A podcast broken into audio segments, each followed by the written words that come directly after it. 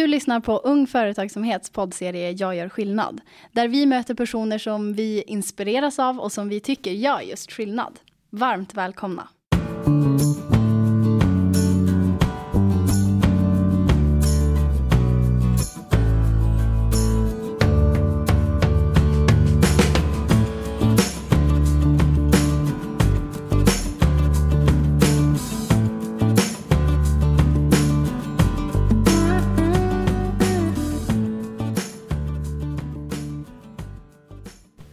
Fantastisk förebild som alltid haft entreprenörskap och samverkan med arbetslivet som viktiga grundstenar i sitt arbete.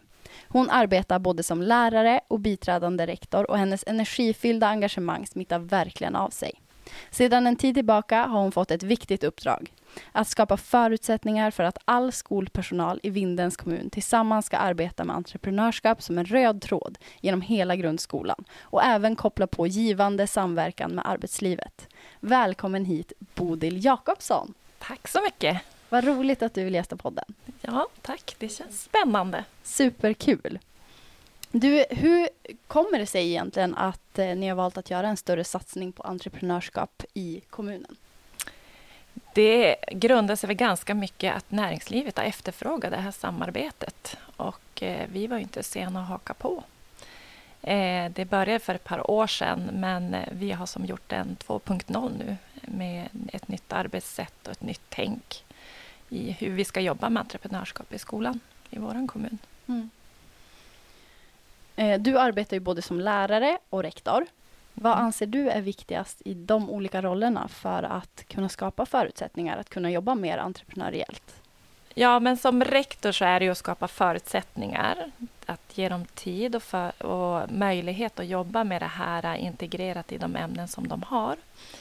Eh, det är väl det främsta som rektor, men som lärare så är det just det här att man kan engagera alla elever på deras nivå. Det, det rör lärarhjärtat jättemycket. Att alla elever kan eh, bli framgångsrika i sitt arbete. Mm.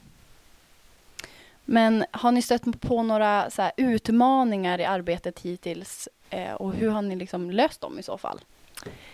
Ja, när det gäller utmaningar så eh, det vi får jobba med just nu det är att eh, pedagogerna inte ska känna att det här är någonting utöver den vanliga undervisningen utan att man kan väva in den i det vi har gjort i alla tider egentligen som lärare. Att det inte är någonting extra eller mm. utöver utan att tittar man i läroplanen så kan man väva in det i olika projekt och jobba ämnesövergripande och tematiskt. Eh, det är en utmaning men som vi jobbar med. Eh, och den här handlingsplanen som vi har gjort i vår kommun är ju, ska bidra till att det inte ska kännas som någonting extra utan att man kan se att eh, det vi gör när vi jobbar med entreprenörskap i skolan är saker som vi gör utifrån läroplanen. Mm. Men hur ser samarbetet med arbetslivet ut? Ja, vi har flera olika samarbetspunkter egentligen. Vi är ju olika grupper. Vi har en styrgrupp och så har vi en samverkansgrupp. Och I samverkansgruppen där finns näringslivet med, eller representanter från näringslivet, men även från handeln i vår kommun. Och vi samarbetar genom en temavecka bland annat med Vinden Business Week där vi har olika aktiviteter. Det kan vara att eh, näringslivet ställer upp på möta ett yrke, att de kommer att berätta om olika yrken som finns inom deras företag. Då vi har en mässa där de kommer och ställer ut och visar upp sina företag och eleverna får se vad, vad det finns för jobb i vår kommun. Eh, sen är de ju generösa med praoplatser, studiebesök, både för våra elever och vi vill även få till studiebesök för våra pedagoger. Så att de är väldigt samarbetsvilliga och det tackar vi för. Mm. Vad, ser, vad ser du är de största effekterna med att jobba med entreprenörskap i skolan om du ska tänka ur ditt lärarperspektiv? Ur mitt lärarperspektiv så tycker jag att det är just att få se det här att alla elever kan lyckas, alla elever kan bidra. Eh, jag tycker att man stärker deras självförtroende och att de kan visa att de kan. Även om de tycker saker är svårt så till, i samarbetet så kan man lyckas lösa olika uppgifter eller göra olika saker. Sen stärker det gruppen, men även individen också. Att de som är högpresterande, de har sin nivå och de som kanske har svårigheter kan ändå bidra med någonting och ändå känna att de är del av det som händer i klassrummet. Mm. Så jag tycker att eh, eleverna får eh, stora möjligheter att jobba med de här förmågorna och jag tycker att det är viktigt så att jag som pedagog lyfter upp förmågorna och pratar om dem. Att se, nu klarar ni det här. Vad beror det på? Att vi pratar om också varf varför du blir så framgångsrikt i klassrummet. Mm. Vad ser du för effekter hos lärare då, som jobbar mer, med, mer och mer med entreprenörskap och implementerar det i sin undervisning? Det jag ser det är att de kan få en annan syn på elevernas kunskaper och vilka förmågor de egentligen besitter. För det plockas fram andra förmågor när man jobbar med entreprenörskap i skolan än att man har en traditionell eh, undervisning. Eh, att de kan se att de kan vara kreativa, de har jättemycket tankar och idéer hur man kan lösa olika problem och att de får möjlighet att visa det flera gånger. Mm. Det det hör jag eh, av pedagogen att det är det de har tagit till sig när vi jobbar med det här, när vi jobbar i projekt. Mm. Vad, om, det, om det sitter några och lyssnar på, för vi hoppas ju nu att det ska vara många som lärare och skolledare och andra som är verksamma inom skolan som lyssnar mm. och kan bli lite inspirerade av alla fantastiska saker som görs ute i, i skolorna.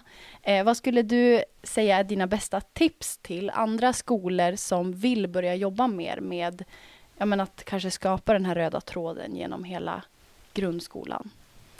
Ja, mitt första tips är att våga. Mm.